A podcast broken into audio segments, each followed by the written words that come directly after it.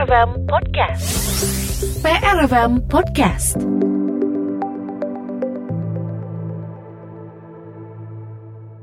Ya, pendengar PR kita sudah tersambung bersama Mama Dedeh di line telepon. Assalamualaikum, Mama.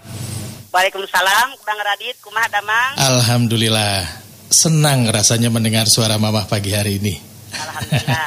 ya karena begini Mbak, kami tuh juga sempat kaget ya. Saya sendiri ya. uh, sempat mendapatkan uh, WhatsApp begitu ya di WhatsApp ya. grup yang mengabarkan kabar duka tentang Mama begitu saya sampai ya, kaget ya, juga ya. begitu. Uh, nah pagi hari ini uh, Mama sendiri mendapatkan informasi itu bahwa ada beredar kabar begitu tentang Mama begitu mah? Karena dari habis subuh HP, telepon, saya kan lagi ngungsi ada anak saya karena hmm. corona nggak lebaran hmm. di rumah. Hmm. Jadi uh, dari pagi uh, gini Kang Radit dari tadi orang telepon sangat banyak bertanya tapi alhamdulillah uh, mereka konfirmasi betul tidaknya nggak hmm. batah hmm. biasa. Ya, uh, ya. Baik dan alhamdulillah Mama betul-betul sehat tidak ada apa-apa ya Maya. Alhamdulillah, Alhamdulillah. Alhamdulillah. Baik, baik, baik. Alhamdulillah. Itu yang pertama kami ingin ingin pastikan, ingin kami konfirmasi dan saat ini pendengar PR juga uh, tentu merasa lega begitu mendengar suara Mamah mengudara oh, di PR FM. ya. Uh, kemudian yang lain nih Mah, kita sama-sama mengetahui saat ini sedang uh, berlebaran dalam kondisi yang sangat berbeda di tengah pandemi Covid-19 dan ini mungkin masih akan terus berlanjut begitu ya Mah kondisi seperti saat ini meskipun kita berharap tidak terlalu lama begitu. Uh, mungkin Betul. Mama bisa memberikan nasihat untuk para pendengar PR, uh, eh, bagaimana sebaiknya menyikapi kondisi uh, dalam kehidupan bersama dengan COVID-19 lah, begitu kurang lebih mah. Silakan. Oke. Okay. Uh, eh, Bismillahirrahmanirrahim. Assalamualaikum warahmatullahi wabarakatuh. Para pendengar Radio PR di Bandung, saya Mamah Dede mengajak. Dengan kondisi seperti saat ini, saya yakin bukan keinginan kita, siapa pun tidak berharap dengan musibah namun yang namanya musibah ini bukan kita hindari, tapi kita hadapi, kita jalani. Karena semua musibah termasuk virus corona ini diizinkan oleh Allah Subhanahu wa taala. Coba kita lihat di dalam At-Taghabun ayat 11. Ma asaba bi musibatin illa bidznillah. Wa may yu'min billah yahdi qalbah. Wallahu bikulli sayin alim. Musibah yang menimpa kalian semua semua diizinkan oleh Allah Siapa yang beriman kepada Allah, hatinya mendapatkan petunjuk dan Allah mencatat segala yang kalian kerjakan. Apa maksud ayat ini? Semua musibah yang menimpa kita termasuk virus corona saat ini, ini atas izin Allah. Bagaimana cara menghadapinya? Allah yang berfirman. Wa may yu'min billah yahdi qalbah. Siapa yang beriman kepada Allah, maka dia hatinya mendapatkan petunjuk dari Allah. Kemudian dan Allah mencatat segala yang kalian kerjakan. Baik eh, para pendengar PR Radio PR di Bandung, apalagi yang Allah sampaikan kepada kita tentang masalah musibah. Ternyata musibah datang kepada kita sebelum kita lahir ke alam dunia, catatan musibah kita sudah ada. Coba para pendengar Radio PR di Bandung, kita lihat di dalam Al-Hadid ayat 22 ma asaba bi musibatin fil ardi wala fi anfusikum illa fi kitabim min qabli an nabraha inna dzalika 'ala Allah yasir. Musibah yang menimpa alam dunia musibah yang menimpa individu kalian masing-masing semua telah dicatat dalam kitab Lohil Mahfud sebelum semuanya aku ciptakan. Jadi kata Allah di dalam ayat ini Ketika alam dunia diciptakan oleh Allah Subhanahu wa taala catatan musibah alam dunia di Lauhil Mahfuz sudah ada. Kapan tsunami di Aceh, tsunami di Pangandaran, tsunami di Palu, kapan gempa di Lombok, kapan gempa di Pulau Banyak dan seterusnya. Allah yang menyatakan sebelum alam dunia diciptakan oleh Allah, musibah alam dunia sudah ada di Lauhil Mahfuz. Begitu pula musibah yang menimpa kita termasuk virus corona yang datang kepada kita saat ini ini semua catatannya di Lohil Mahfuz sudah ada. Bahkan Rasulullah Shallallahu Alaihi Wasallam bersabda, yang namanya musibah manusia dicatat dalam kitab Lohil Mahfuz 50 ribu tahun sebelum kita lahir ke alam dunia. Artinya bagaimana?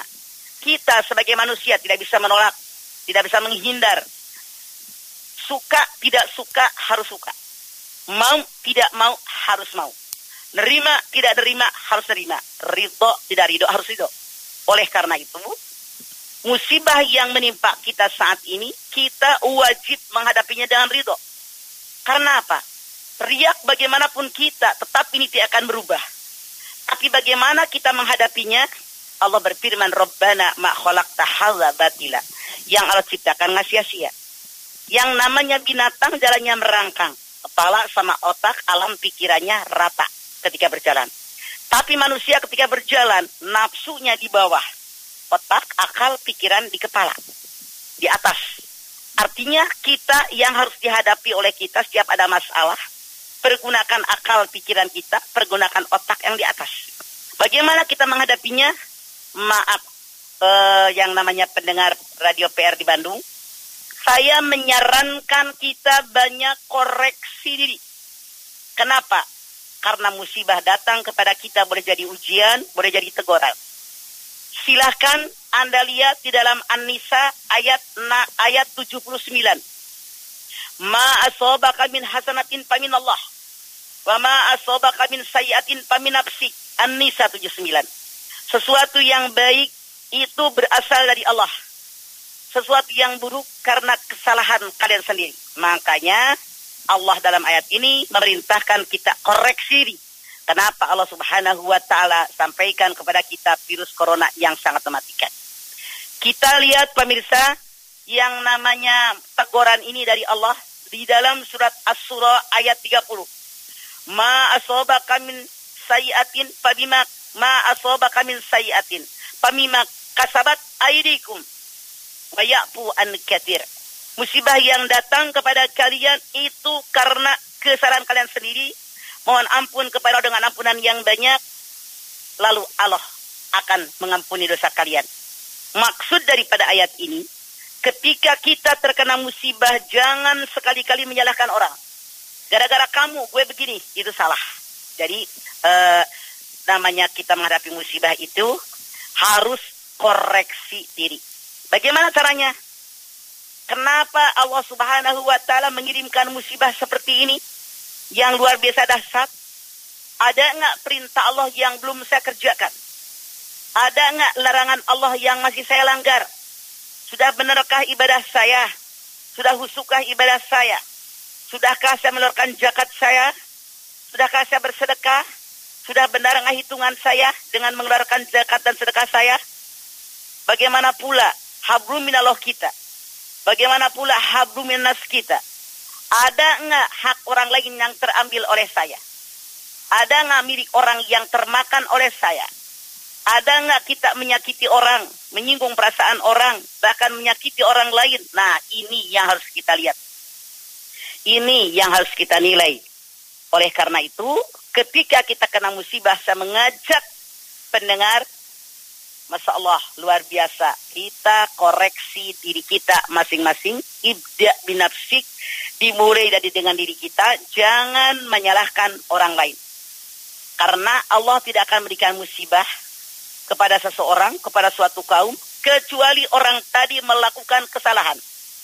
Bagaimana caranya? Masya Allah. Wa makana robbuka liyahlukal qura bidulmin waluha muslihun. Surat Hud 117 Allah tidak akan membinasakan suatu kaum kalau penduduknya itu orang yang berbuat soleh. Orang-orang yang baik. Nah artinya kalau kita orang semua berbuat baik mengerjakan segala perintah Allah mencari yang dilarang oleh Allah Allah tidak akan mengirimkan musibah. Tidak akan mengirimkan ajab yang maha pedih. Tapi berbeda anda lihat dalam Al-Qasas 59. Wama kana rabbuka muhlikal qura hatta yab'asa fi ummiha rasula yatlu alaihim ayatina wama kunna muhlikil qura illa wa ahluha zalimun. Allah tidak akan membinasakan suatu kota, suatu negeri sehingga Allah kirimkan kepada ibu kota tadi seorang utusannya Rasul yang menyampaikan ayat-ayat Allah maka Allah kirimkan kebinasaan azab yang pedih bagi penduduknya yang berbuat zolim. Oleh karena itu Kang Rasid, kita mengajak kita semua, yuk pemirsa, pendengar radio semuanya kita koreksi diri untuk memperbaiki diri, banyak beristighfar kepada Allah. Kenapa? Dengan banyak beristighfar kepada Allah, insya Allah dosa kita diampuni. Karena semua kita punya dosa, pasti banyak dosa kita. Coba kita lihat dalam surat Nuh ayat 10, 11, 12. Fakultu astagfiru rabbakum innahu kana ghaffara. Yursili sama'a alaikum midrara. Wa yumjidkum bi amwalim wabanina wajalakum jannatin wajalakum anhara. Kata Nabi Nuh, Wahai para kaumku, beristighfarlah kalian kepada Allah. Karena Allah maha pengampun, Allah maha penyayang. Dengan kalian banyak beristighfar kepada Allah, aku akan Allah turunkan hujan yang sangat lebat dari bumi. Lalu tanah menjadi subur makmur Allah jinawi. Diberikan kepada kalian rezeki diberikan kepada kalian anak-anak yang banyak, eh, kebun-kebun yang subur makmur, lalu diberikan sungai-sungai untuk mengairi uh, daripada kebun kalian yang subur tadi. Dari ayat ini, ayat surat Nuh 10, 11, 12 sangat jelas buat kita, bahwa kita oleh Allah Subhanahu wa taala diperintahkan untuk banyak beristighfar. Sekarang kita lihat yang rasid diri kita masing-masing. Berapa banyakkah setiap hari kita beristighfar? Bukankah Rasulullah Shallallahu Alaihi Wasallam yang dijamin maksum, dijamin dihapuskan semua dosanya, dimasukkan ke dalam surganya Allah. Beliau beristighfar minimal sehari semalam 70 sampai 100 kali. Kita, Nabi bukan, Rasul bukan. Nggak ada yang jamin berapa banyak istighfar kita. Nah, ini saya mengajak. Yuk pemirsa, selama pendengar radio, Mudah-mudahan kita sekarang dengan kondisi ini banyak koreksi diri. Uh, muhasabah diri. Melihat di mana kesalahan saya perbaiki. Di mana kekurangan saya tambahin.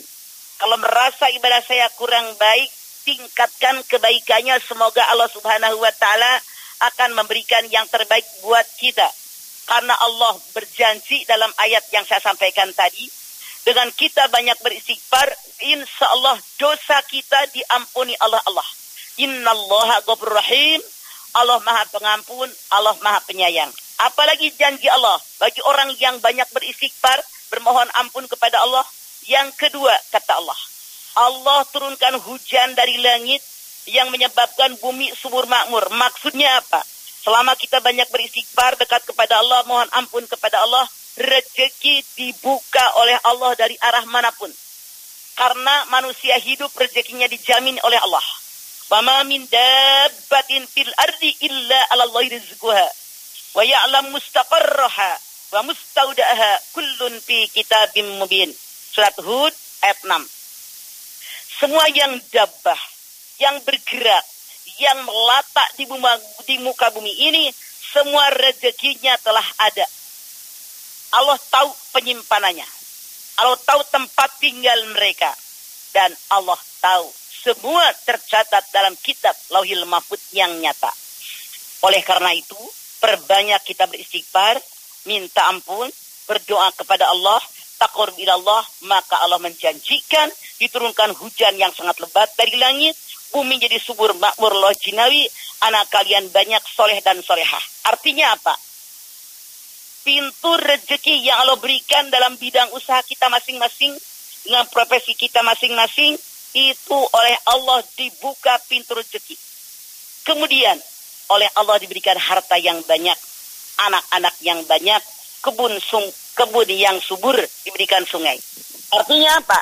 Kewajiban kita bekerja berusaha maksimal ini dengan doa hasilnya adalah hak prerogatifnya Allah. Karena rezeki adalah milik Allah, kita dibagi oleh Allah, makanya siapa cepat dia dapat insya Allah. Jadi saya mengajak dalam kondisi virus corona saat ini, jangan Anda berleha-leha, jangan Anda tinggal diam di rumah. Di rumah bisa nyari duit, di rumah kita bisa ibadah, perbanyak ibadah, dalami Al-Quran. Boleh jadi selama ini kita jauh dari Al-Quran, maka sekarang banyak baca Al-Quran.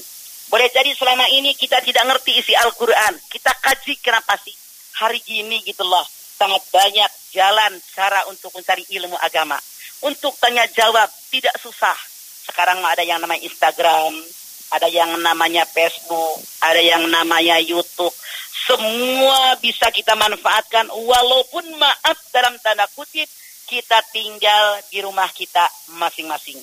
Jangan buang waktu, jangan buang umur, jangan buang kesempatan. Rasulullah Shallallahu Alaihi Wasallam bersabda, tidak akan bergerak kaki seorang hamba pada hari kiamat di alam mahsyar kecuali ditanya lima perkara. Satu, kemanakan usiamu? Dua, kemanakan masa mudamu? Tiga, dari mana kekayaanmu? Kemanakan kekayaanmu? Yang keempat, dari mana ilmumu? Kemanakan ilmumu? Yang kelima, dipakai apa anggota tubuhmu? Semua dipertanggungjawabkan di hadapan Allah. Maka jangan kita menyalahkan.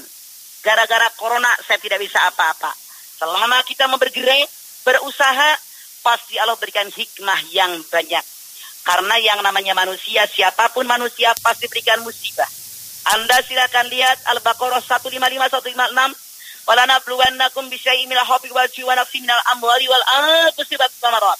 Wa basyirish sabirin alladzina idza asabathum musibah qalu inna lillahi wa inna ilaihi raji'un. Yang namanya manusia suatu saat diberi ujian oleh Allah dan perasaan takut, perasaan khawatir, takut nggak punya makanan, takut nggak punya uh, sakit, takut nggak punya buah-buahan, takut mati, berikan kabar gembira sama orang saudara.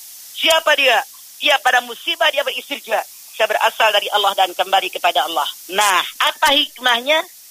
Coba pemirsa, para pendengar radio, kita lihat dalam Al-Baqarah 157. Ulaika alaihim salawatu min rabbihim rahmah wa ulaika humul muhtadun. Orang yang bersabar dengan musibah, termasuk kita dengan kondisi corona saat ini, yang Allah janjikan yang pertama, hikmahnya kata Allah diberikan keberkahan. Yang kedua diberikan rahmah, yang ketiga dijanjikan oleh Allah adalah hidayah. Semoga kita bersabar menghadapinya, kemudian tiga-tiga kita memperolehnya. Yang Anda jangan lupa pendengar, yang namanya sabar itu bukan statis, tapi dinamis. Sabar bukan tinggal diam, tapi bergerak, bekerja, berusaha maksimal, diringi dengan doa, hasil usaha kita bertawakal, serahkan kepada Allah Subhanahu wa taala. Begitu Kang Rasid. Ya baik, masya Allah, ya, alhamdulillah mah. Okay. Jadi lebih Maka, tenang rasanya menghadapi situasi saat ini mah. Betul, ini kehendak ya. Allah Kang, bukan hmm. kehendak kita. Siap, siap. Dan Allah berfirman, la yukallifullahu hmm. nafsan hmm. illa wus'aha. Al-Baqarah 286. Ya, insya Allah kita diberikan Mah. kemampuan ya Maya untuk menghadapi insya kondisi Allah, ini. Pasti, pasti. Baik, uh, Mah ini ada uh, salah satu pendengar PR ini yang uh, mengucapkan rasa syukurnya Mamah baik-baik saja, Alhamdulillah. Katanya semoga Mamah uh, selalu dalam kondisi sehat walafiat. Uh, Alhamdulillah doanya Kang. Iya, tapi nampaknya kepo juga ini pengen tahu katanya kegiatan Mamah semasa uh, pandemi ini uh, apakah syuting masih berjalan begitu atau seperti apa begitu Mah? Ya, syuting masih berjalan buat acara sahur yang jam 3, cuma hmm. reguler yang jam 8 di TV One. Ya, uh, hampir tiap hari sih Kang hmm. Rafid ada hmm. ini, ada streaming. Baik, ya. baik, Ada Zoom kita. Uh, alhamdulillah. Uh, yang penting uh, syiar jalan terus ya Maya kami bisa mendapatkan manfaat terus dari Mama lah begitu ya. Itu kewajiban kita insya Allah karena uh, ada kemampuan. Alhamdulillah. Baik, Mah, terima kasih banyak atas waktunya Mama, berbincang di PRFM. Satu hal yang membuat kami bahagia, Mama sehat-sehat saja. Mama, Begitu, Mah. Ya. Selamat beraktivitas, sehat selalu, Mah. Assalamualaikum. Waalaikumsalam warahmatullahi wabarakatuh.